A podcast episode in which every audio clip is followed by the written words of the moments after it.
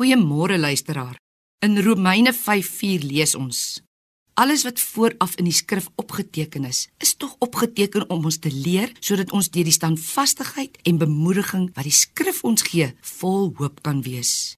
Ons kan bly hoop as Christene omdat ons in die lewende God glo. Hy tree op en gryp in in die lewe van mense.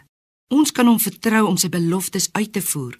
Hoop word nie bepaal deur jou gemoedstoestand of die omstandighede waarin jy verkeer nie, ook nie deur wat menslik moontlik is nie.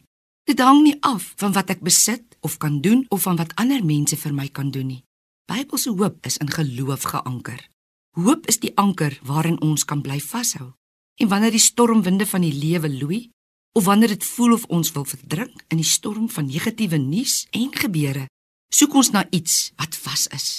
'n rots of anker sal keer dat ons nie in die maalstroom van die lewe wegraak nie. Wat is daardie anker? Die anker is ons geloof en die rots is ons hoop. Geloof en hoop word deur die woord van God geskenk. Paulus stel dit so: Alles wat vooraf in die skrif opgeteken is, is tog opgeteken om ons te leer sodat ons deur die standvastigheid en bemoediging wat die skrif vir ons gee, vol hoop kan wees.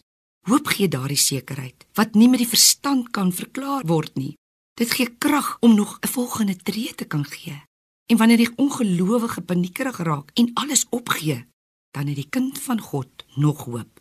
Pas op om nie jou hoop te bou op valse beloftes nie. Daar is mense wat die Bybelse beloftes goedkoop maak, wat beloftes aan God toeskryf wat hy nie gemaak het nie. Sulke mense mislei en veroorsaak mettertyd ongeloof by ander. Daar is ook beloftes wat op grond van menslike beplanning gemaak word. Daarin lê geen waarborg nie. Beplan, ja, maar doen dit in nederigheid, bidtend, altyd bereid om jou koers te verander na waar God jou lei. Bly hoop dat God die beste vir jou wil gee. Daar is geen saak, persoon of mag wat jou van die liefde in Christus kan skei nie.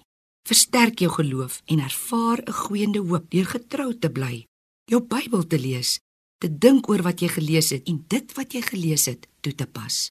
Amen.